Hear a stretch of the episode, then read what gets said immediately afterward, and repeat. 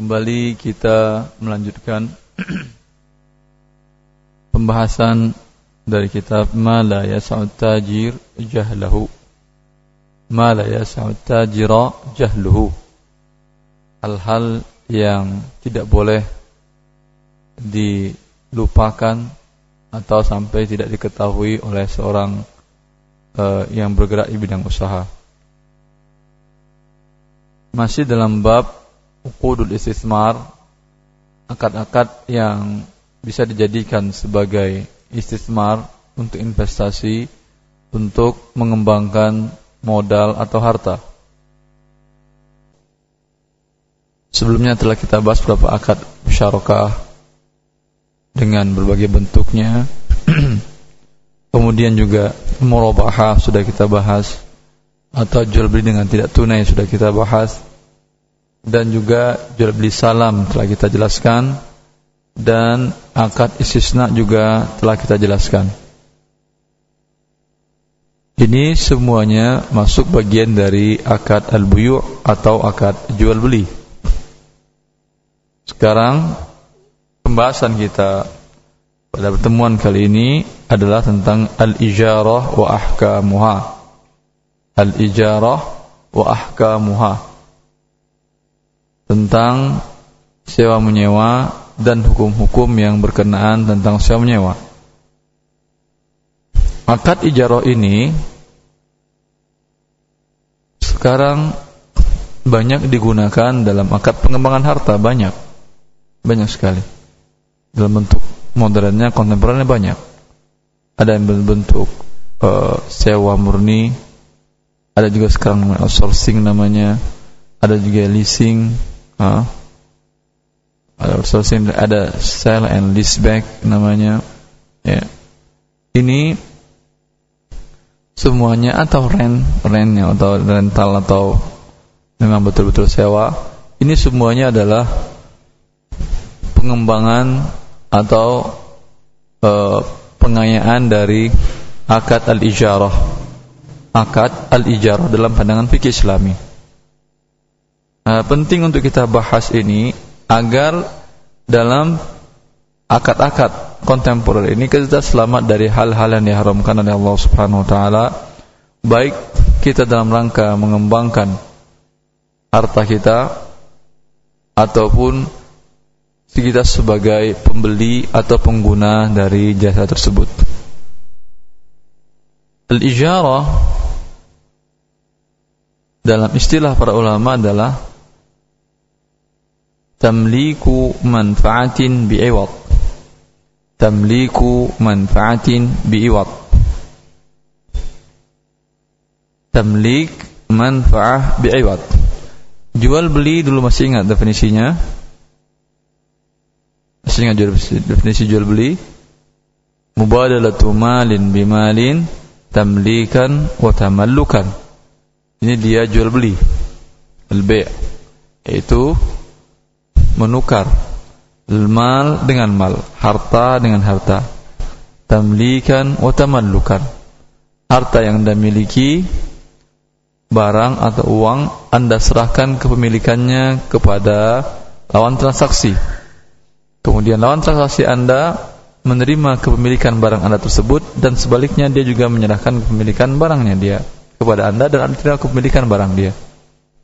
Ya. Ini jual beli. Al-ijarah tamliku manfaatin bi'iwad.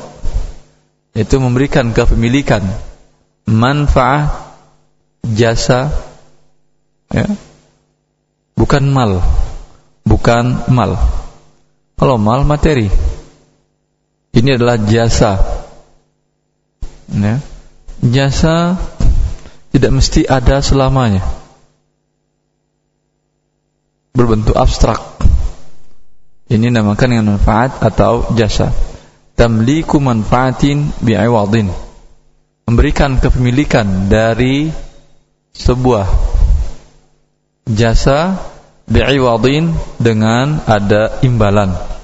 Dengan ada imbalan. Maka arkan wa syurut rukun-rukun dan syarat jual beli bisa kita terapkan pada rukun dan syarat al-ijarah. Dalam jual beli ada al-aqidain, ada dua orang berakad, penjual dan pembeli. Dalam angkat sewa menyewa, di sana tentu ada al-muajir wal mustajir. Al-muajir yang menyewakan pemilik barang. Pemilik barang atau pemilik jasa kemudian dia berikan kepemilikan jasa ini kepada pihak kedua. Ini dia namanya muajir. Al-mustajir orang yang menerima jasa tersebut. Orang memiliki jasa tersebut, menerima kepemilikan jasa tersebut, kemudian dia memberikan harta atau imbalan bisa jadi imbalan itu harta, bisa jadi imbalan itu juga jasa lagi yang diberikannya kepada siapa? Al-muajir kepada al-muajir. Jelas ini? Jelas bentuknya? Ya. Maka luas al-ijarah ini akannya luas sekali. Luas sekali. Apa yang belakangan terakhir adalah uh, BOT Bill on Transfer yaitu Anda sewakan tanah Anda kemudian imbalan dari sewanya ini adalah kepemilikan rumah atau gedung di atas tanah Anda setelah dia menikmati selama sekian puluh tahun, umpamanya 20 tahun atau 25 tahun. Setelah 25 tahun atau 20 tahun, gedung tersebut menjadi milik pemilik tanah. Tanpa modal, pemilik tanah bisa memiliki gedung setelah 20 atau 25 tahun. Imbalannya adalah jasa menggunakan tanah selama 20 tahun atau 25 tahun.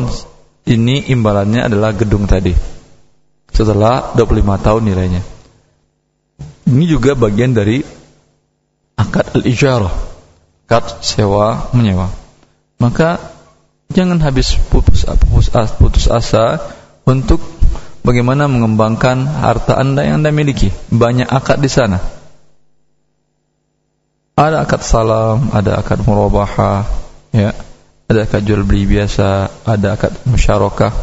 Ada juga akad ijarah seperti ini. Al-ijarah ini.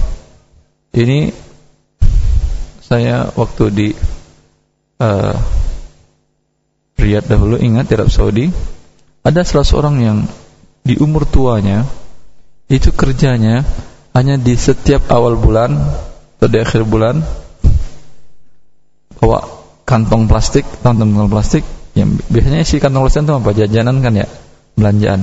Kalau dia isinya adalah uang terima sewa kontrakan rumahnya. Di sana aman lah, nggak perlu untuk pakai tas, pakai berangkas, pakai satpam nggak perlu. Pakai kantong plastik, ya, datang ke rumah-rumah yang umurnya sudah 60 lewat. Pensiunannya dia terima dia dulu bangun beberapa imara atau beberapa apartemen ya. Gedung gedung ada sekitar 10 atau 30 apartemen. Kalau satu gedung ya per bulannya umpamanya 1000 10 sudah 10 ribu. Kali 3000 sekarang buat 30 juta per bulan. Pakai kresek di bawah. Karena apa aman subhanallah. Ya. ini salah satu bentuk pengembangan harta. Pengembangan harta. Dan untuk untuk properti aman.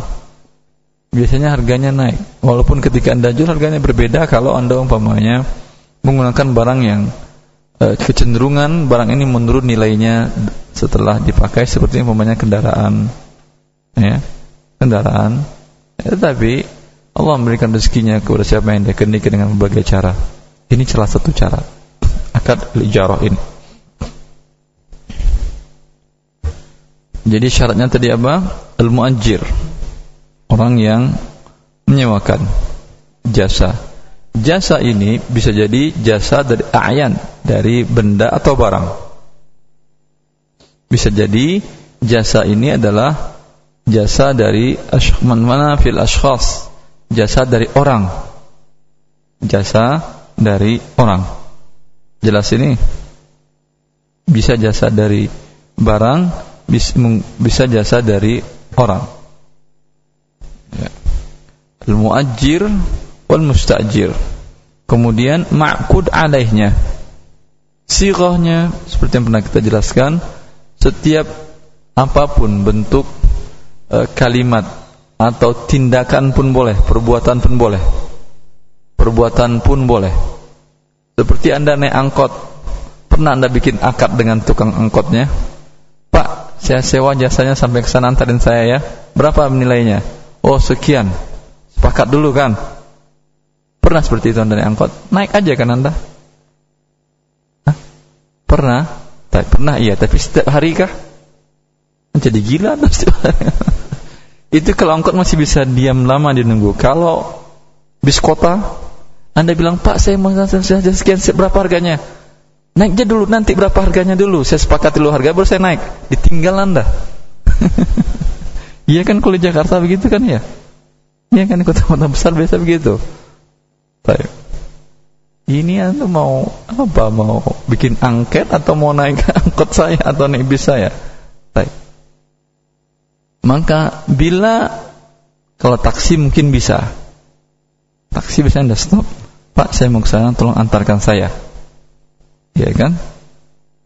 Bisa anda bikin akad. Oh ya udah silakan, saya antarkan. Nanti masalah perhitungan harga pakai argo. Masalah harga jelas atau tidak nanti bisa kita bahas satu-satu dulu. Ya, ini bisa kita buat akad. Tapi yang seperti yang tadi tidak bisa kan kita buat akad. Bikin akad antum ditinggalin. Ya bakal dapat stop tunggu lagi satu jam dan lagi depan bikin akad lagi ditinggal lagi. Maka pendapat yang terkuat adalah pendapat jumhur para ulama bahwa akad tidak mesti dengan perkataan. Asal dengan perbuatan, asal lompat naik berarti Anda setuju dengan jasa ini. Dan mereka ketika membukain pintu dan mempersilahkan naik, setuju dia jasa mengantarkan Anda. Mengenai harga, nanti insya Allah akan kita bahas. Sekarang itu sirahnya. Jelas ini sirahnya. Bentuk dari akad transaksi itu apa? Ucapankah atau perbuatan atau kebiasaan? Kebiasaan tadi dengan perbuatan dinamakan dengan apa? Apa namanya? Itu bukan akad namanya, tidak ada sikot. Itu nggak ada bentuk akadnya nggak ada kan? Langsung lompat. Ada bentuk akadnya itu. Kadang nggak, kadang kalau nggak lari pun ditinggalin kan ya? ya begitu. Masya Allah. Ada akadnya pada waktu naik itu? Nggak ada kan? Ini namanya mu'atah sirat akadnya tidak ada tapi ada mu'atoh perbuatan anda naik lompat menunjukkan anda setuju menerima jasa dia untuk diantarkan ke tempat tersebut dan dia setuju juga dengan iwat dengan imbalan yang biasa berlaku umum Baik. maka sirat ya bentuk uh, akad tidak selamanya harus tertera harus diucapkan dengan kata-kata atau tertera di atas kertas tidak boleh dengan cara mu'atah. Boleh dengan cara al-mu'atah. Baik. Orangnya tadi al-mu'ajir al-mustajir, orang yang menyewakan orang yang menggunakan uh, orang yang apa maaf, al-mu'ajir orang yang memberikan uh, jasa al-must al-mustajir orang yang menggunakan jasa yang diberikan kepada dia. Syarat dari orang ini al-mu'ajir al-mustajir apa? Apa syaratnya? Sama dengan syarat al-aqidain yang di awal-awal kita bahas syarat orang berakad. Apa syaratnya?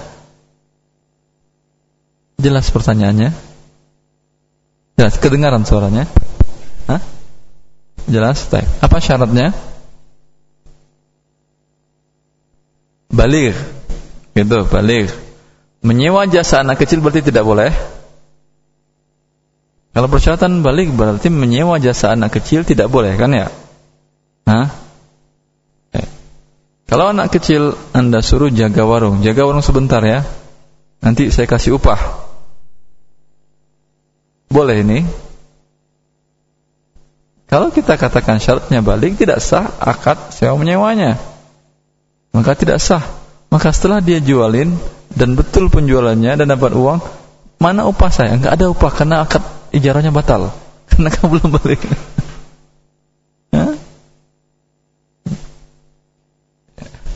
Untuk hal yang biasa anak kecil berjual beli, ijma perlama boleh ini. Tapi kalau untuk jualin motor, tentu tidak bisa anak kecil. Harus yang balik. Persyaratan pertama balik. Kedua berakal kan ya? Persyaratan keduanya, baik yang menyewakan atau yang menyewa ya, baik yang menggunakan jasa atau yang memberikan jasa, dua-duanya haruslah yang berakal. Berakal. Orang gila berarti sah dia kalau naik angkot. Hah? Sah? Pakai apa dibayarnya?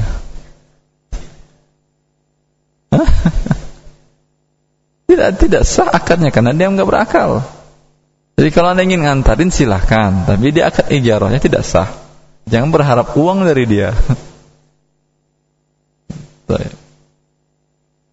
Jelas ini. Apakah ada persyaratan baik yang memberikan jasa atau menerima jasa haruslah muslim? Hah? Tidak. Maka boleh Anda bekerja dengan non-muslim. Berarti berarti Anda sebagai muajir pemberi jasa kepada non-muslim tadi. Yang non-muslim sebagai mustajir, pengguna jasa Anda. Kemudian Anda menerima imbalan dari non muslim tadi. Jelas ini? Boleh atau tidak ini? Boleh. Kalau tidak boleh, bahaya Anda yang bekerja di perusahaan non muslim. Perusahaan muslim berapa? Cuman di Indonesia yang ada perusahaan muslim. Boleh. Boleh. Begitu juga Anda menyewakan barang kepada non muslim seperti menyewakan rumah kepada non muslim. Boleh ini? Kalau kita memberikan jasa, baik jasa tenaga atau barang kepada non muslim, termasuk tolong menolong atau tidak namanya ini?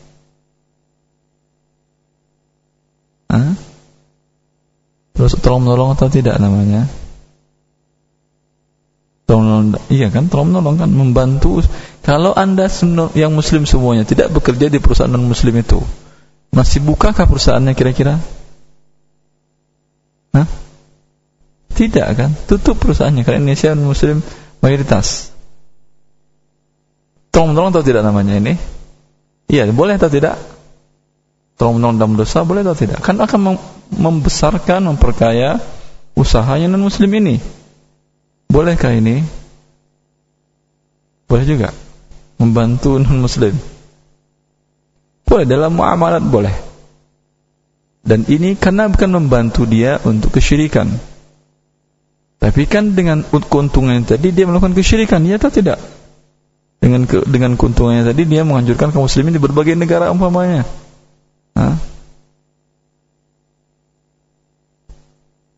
Pernah ada beberapa ulama yang fatwakan tidak boleh membeli produk Yahudi karena dia membunuh kaum muslimin di Palestina.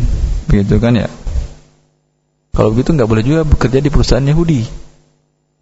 Bukan beli saja, perusahaan bekerja juga Anda memberikan jasa perusahaan itu. Berapa banyak perusahaan non muslim di Indonesia? Berapa banyak? Hampir semua. Masya Allah. Lalu perusahaan Anda sebagai muslim apa lagi yang tinggal? Hukum asalnya memang tolong menolong tapi tolong menolong tidak mubashir. Maka hukumnya boleh. Karena tidak mubashir, maka hukumnya boleh. Tidak langsung kita menolong kesyirikan dia, tidak langsung kita menolong dia membunuh kaum muslimin, tidak langsung. Bisa dijadikannya untuk membeli peluru, bisa juga dijadikannya untuk hal yang lain. Dan Rasulullah bertransaksi, bermuamalat dengan non-muslim, dengan Yahudi, dengan Nasrani. Dan Ali bin Abi Thalib radhiyallahu taala pernah bekerja dengan wanita Yahudi diriwayatkan oleh Ahmad dalam musnadnya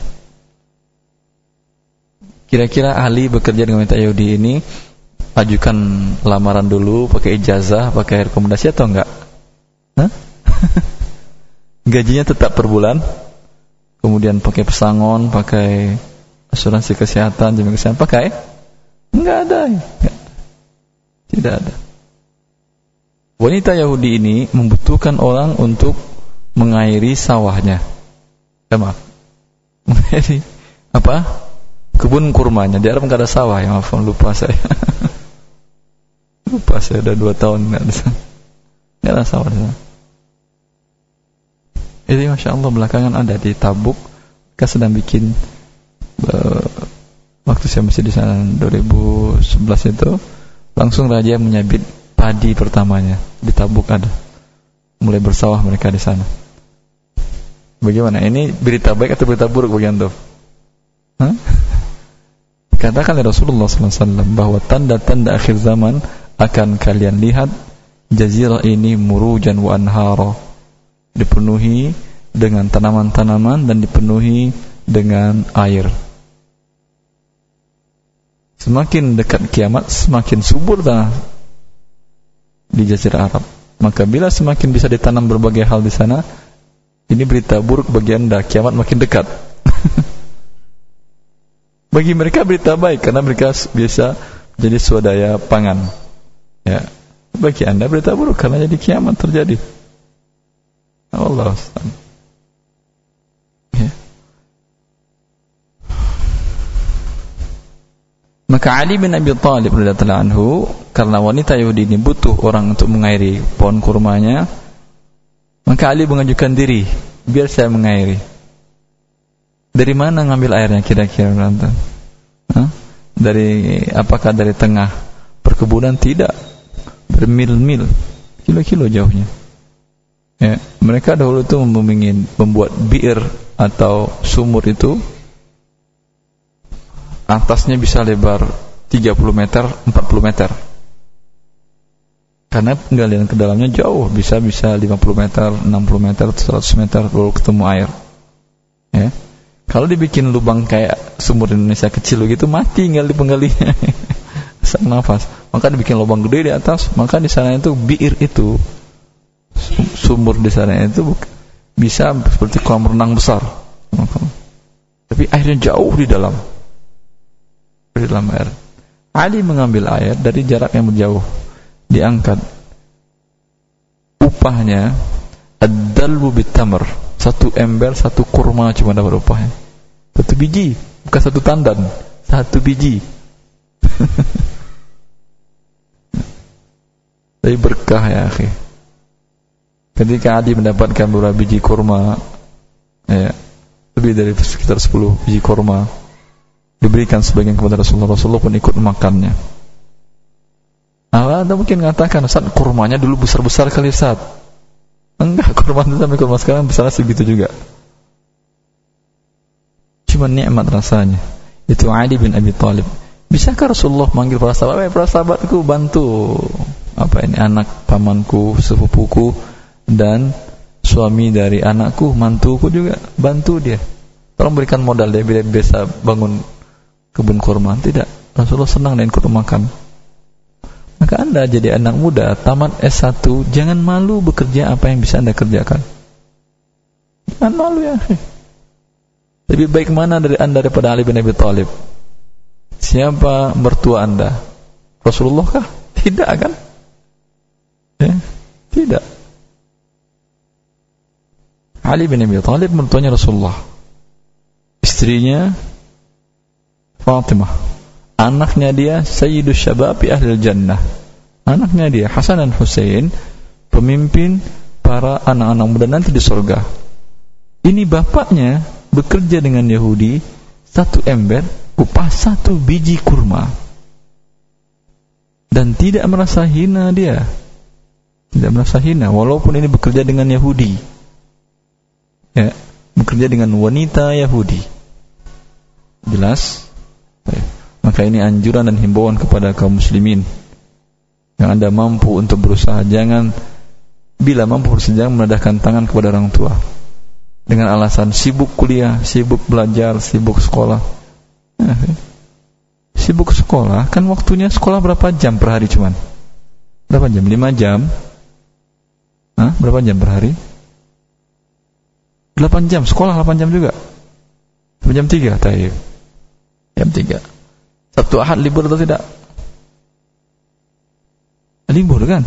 ikut bantu orang tua. Ikut bantu orang tua. SMU juga.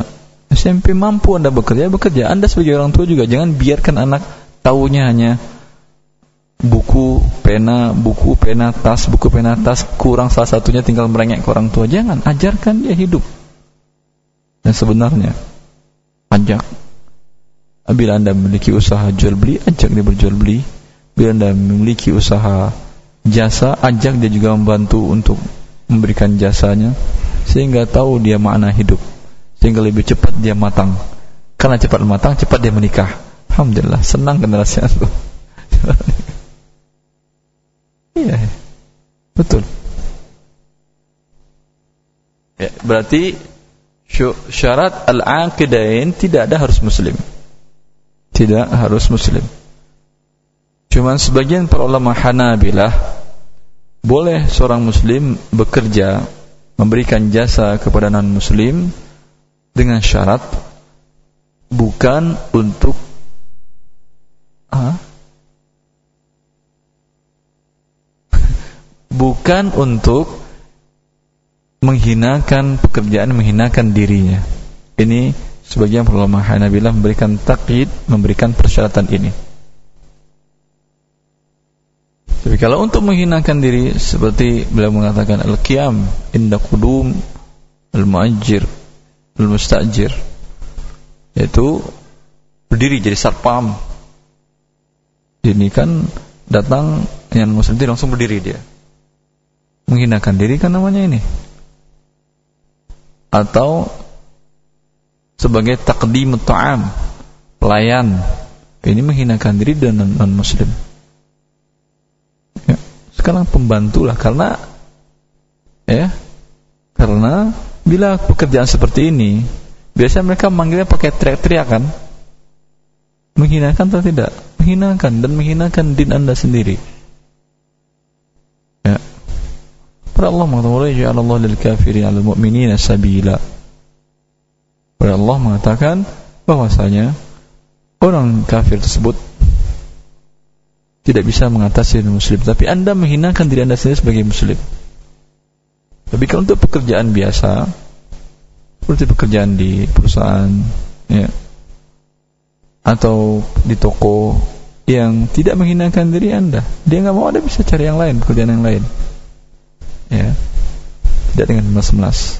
Kemudian hak-hak anda hak asasi anda untuk beribadah kepada Allah tidak dihalang-halanginya Sholat, sholat. Ya.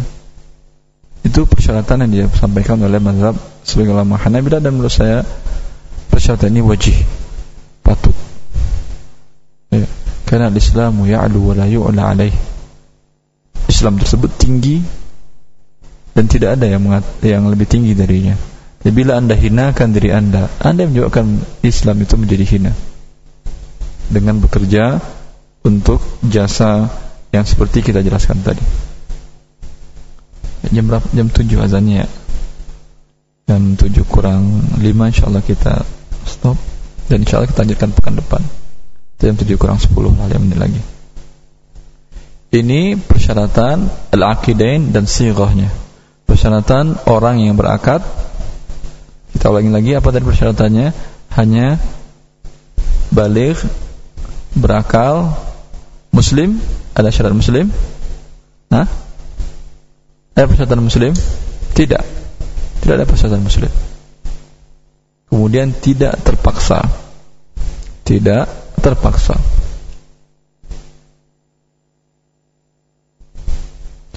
Kemudian sirat bentuk akad telah kita jelaskan tadi, tidak mesti harus dengan kata-kata dan tertulis. Cukup dengan perbuatan cukup dinamakan dengan mu'atah. Kemudian ma'kud alaih, objek yang akan dijadikan sebagai objek ijarah ini.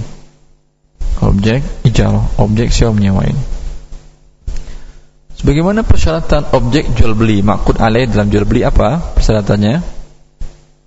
Apa persyaratan dalam objek jual beli dahulu? Hmm. Ada yang masih ingat? Bolehkah menjual barang najis? Tidak. Berarti barang harus suci. Bolehkah menjual barang yang diharamkan? Tidak berarti barang harus yang dihalalkan. Maka persyaratan al-ijarah, persyaratan sewa menyewa juga demikian. Sewa menyewa untuk jasa yang dihalalkan. Ya. Untuk jasa yang diharamkan tidak boleh Anda lakukan apalagi Anda mendapatkan upah dari jasa tersebut. Anda lakukan tanpa upah pun tidak boleh. Tanpa upah pun tidak boleh apalagi Anda mendapat upah dari hal tersebut. Apa saja umpamanya perbuatan dosa membunuh. Membunuh dosa atau tidak? Membunuh jiwa yang diharamkan oleh Allah. Ya. Maka bila dibayar untuk membunuh seseorang, membunuh saya sudah berdosa, apalagi dapat imbalan dosanya dua kali. Apalagi dosa berzina dosa atau tidak? Hmm, dosa? Dosa besar kan ya? Bagaimana dengan perzinahan dapat upah? Ada kan orang yang mau mencari upah dengan perzinahan tadi, baik laki-laki maupun perempuan ada kan ya? Maka ini ijarahnya batal. Suaminya batal. Bila wanita ini bertobat atau laki-laki yang terima upah ini bertobat, ini uang diserahkan ke mana? Hah? Bukan diserahkan kepada yang punya uang tadi, menyerahkan uang tadi, yang bersewa tadi. Enggak, enak banget dia. Sudah dapat zina, dia dapat uangnya kembali. Tidak dikembalikan kepada kepentingan umum atau fuqara wal masakin. Untuk jasa menulis akad riba halal kata tidak haram Rasulullah mengatakan diriwayatkan Imam Muslim La'ana Rasulullah akil riba wa mukilahu wa katibahu wa.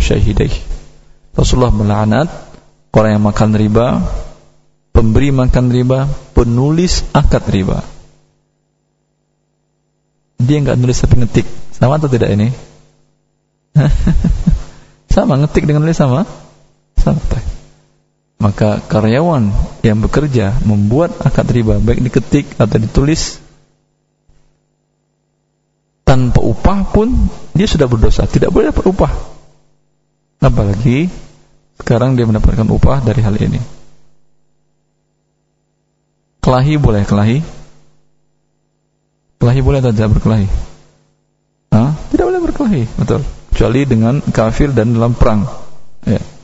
Dapat upah dari berkelahi boleh atau tidak berarti? Tidak boleh asal anda pisah, bukan anda lihat. Maka orang yang apa yang berkelahi di televisi itu apa namanya? oh masya Allah hafalan tinju. olahraga tinju. Mereka namakan olahraga bukan olahraga ini. Ini namanya berkelahi. Berkelahi namanya. Olahraga tinju. Harusnya bila anak anda berdua bertinju, anda pisah atau anda ketawain? Pisah ya. Kalau yang menang anda kasih uang atau kasih apa? Kaf. Hah? Jewer. Jewer. Bukan dikasih uang. Nah, lihat, Anda di olahraga tinju itu yang menang dikasih uang dan lain ketawa-ketawa. Yang ini mati jatuh mau mati dibiarin ketawa. Nah, gimana peri kemanusiaan mereka? Haram menurut saya. Muslim tidak boleh melakukan ini. Maka jangan bangga Anda petinju itu muslim, bangga. Jangan bangga Anda. Bila lawannya sama muslim, dia berdosa. Dosa seperti ini. Baik. Uh, membuat akad riba tadi juga berdosa. Rasulullah melaknat penulisnya pun dilaknat Rasulullah SAW. Syahidah yang menyaksikan juga dilaknat. Baik. Rokok bagaimana hukumnya? Halal rokok? Haram rokok ya. MUI sedang fatwakan haram kan rokok ya. Kalau anda diupah untuk membuat rokok, membuat, membuat. Kalau mengisapnya ya haram. Membuatnya juga haram juga. Hah? Oh, kalau haram berarti itu pegawai yang jumlahnya ribuan itu akan haram semua hasil makan mereka? Iya haram betul haram. Jangan takut antum. Bila haram haram. Jangan karena banyak kemudian jadi halal tidak. Umum balwa dijelaskan dari memang ada umum balwa. Tapi yang dimaksud dengan umum balwa berbeda dengan kasus yang terjadi di sesuatu yang jelas haramnya. Karena sekarang iklannya rokok itu apa iklannya? Rokok dapat membunuhmu, begitu kan ya? Iklannya itu kan sekarang iklannya. Rokok membunuhmu. Maka yang membuat rokok ini adalah para pembuat alat pembunuh, begitu kan ya? Hah? Apa? Ikut andil atau dia membuat alat pembunuhnya sendiri? Dia pembuat alat pembunuhnya. Walaupun nggak digaji dia, dia membuat ini biasanya dibuat pakai apa? Di pakai tangan. Di ini apa? Pokoknya tanpa upah pun dia sudah berdosa karena membuat alat pembunuh manusia. Damar Syamil ini namanya. ya. Alat pembunuh penghancur massa. Ya kan sama ber, berbahaya mana bernuklir? Di mana berbahaya daripada nuklir atau bom atom? Rokok lebih berbahaya mana? Hah? Itu bahaya rokok karena orang mati pelan-pelan dan yang dia mati pelan-pelan dan biaya biaya matinya mahal. Karena kalau dia berobat ya, berobat mahal biayanya. Maka Allah Ustaz, maka bekerja tanpa upah pun Anda tidak boleh bekerja membuat alat penghancur masa ini. Apalagi kemudian dapat upah. Tidak boleh ini, boleh. Ya. Ini ingat-ingat sampai di mana kita. Nanti insya Allah pekan depan kita lanjutkan. Tadi kita sampai pada syurut al-ma'qud alai, syarat-syarat objek akad ijarah, yaitu di antaranya apa tadi? Sesuatu yang dia halal itu orangnya. Sesuatu barangnya uh, objeknya adalah objek yang dihalalkan dalam syariat Islam. Maka untuk jasa yang diharamkan tidak boleh mendapatkan upah dalam hal ini. Nanti akan panjang bahasan. Memainkan alat musik halal atau tidak? Halal maka bagaimana upah dari hal ini? Ya, menjadi bintang film aktor haram juga. Walaupun film islami. Walaupun film dakwah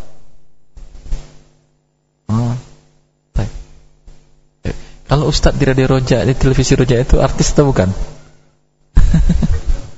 Baik. Nanti insya Allah ingatkan saya akan kita bahas pekan depan. Kemudian juga bagaimana upah dari berbuat amal soleh. Bolehkah dapat upah atau tidak? Insya Allah kita bahas pekan depan. Baik. Ada pertanyaan? Ustaz, bagaimana menurut pandangan syariat Islam tentang anak yang bekerja membantu nafkah orang tuanya?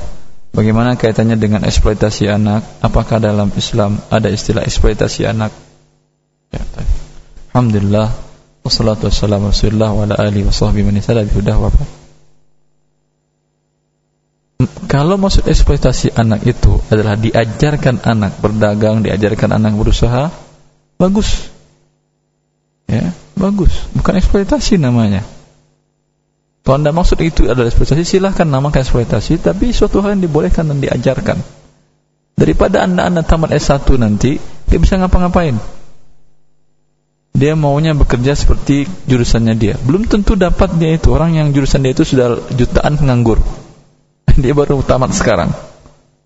Jangan tahu dia mendapatkan meneruskan usaha orang tuanya, jual beli bisnis dan lain-lain. Bukankah Rasulullah SAW diajak oleh pada umur berapa beliau diajak berdagang ke Syam oleh pamannya? Umur 10 kan? Sallallahu alaihi wasallam. Dan lihat anda, orang non pribumi di Indonesia, anak kecil itu kan diajak dagang kan, sehingga cepat matangnya, cepat matangnya, cepat juga kayanya nanti. Kalau baru satu diajarin dagang, ya, kapan menjadi kaya dia? Sekarang pikirannya nggak cari uang lagi, mau nikah dia. Jelas tentu. Boleh diajarin dan dianjurkan dalam Islam. Tapi tadi setengah syarat dia balik berakal. Balik berakal. Dan diajarkan Allah pun mengatakan wabtalul yatama hatta idza balagun nikah fa in anastum minhum rusyda fadfa'u ilaihim amwalahum. Allah mengatakan ujilah anak-anak yatim itu Berarti ini belum balik, sudah mulai diajar, diuji. Berikan dana, suruh dia jualan. Suruh beli barang, suruh dia nawar sendiri, Sudah coba. Sampai di umur balik. Ketika sudah balik, baru diserahkan 100% dia untuk mengelolanya. Dan selanjutnya Ustaz Ana Ummu Adil di Lampung Dulu Ana disuruh suami buka toko underdeal dengan DP modal 5 juta Sedang Ana meminta barang dengan nilai 20 juta Sekarang semua barang-barang itu sudah dijual suami Ana Ana bingung bagaimana bayar hutang-hutang Ana Sedang Ana cuma ibu rumah tangga Suami masih ada Syukron Ustaz Gak paham saya pertanyaan Apa pertanyaannya ini? Suami ngasih DP 5 juta, lalu beli barang 20 juta dengan tidak tunai berarti. Lalu uang semua diambil suaminya. Suami masih ada. Bagaimana cara bayarnya? Cara bayarnya minta suami bayarin. Allah Ustaz. Ya, Masya Allah. Bingung jangan bingung Ibu. Ingatkan suami kepada Allah Subhanahu wa taala ya, bahwa ini tidak boleh makan harta orang dengan cara yang batil. Ustaz, saya ibu di NTT mau tanya, saya punya usaha toko jual sembako Kadang langganan kalau belanja minta nota tapi nota itu cuma dikasih stempel saja bilang mau ditulis sendiri harganya. Apa saya ikut berdosa Pak Ustaz kalau umpama harga dari saya 500 dia tulis 1000 Pak Ustaz atas jawabannya syukuran. Jelas ini kan? Jangan tulis harganya tapi stempel saja. Ini tidak boleh. Terus membantu dia berbuat curang dengan tempat instansinya atau tempat kerjanya. Azan terakhir kali ya. Selama ini saya menjalankan jasa pembuatan BPKB yang menjadi pertanyaan ketika dealer motor meminta saya membuatkan jasa BPKB-nya dengan hutang. Kemudian setelah selesai BPKB-nya baru dealer tersebut melunasinya seminggu kemudian. Bolehkah praktek seperti ini? Ibnu Qasim di Bekasi boleh. Jasa boleh tidak tunai dua-duanya. Insya Allah nanti kita jelaskan lebih rinci pada pertemuan mendatang insyaallah taala. Assalamualaikum warahmatullahi wabarakatuh.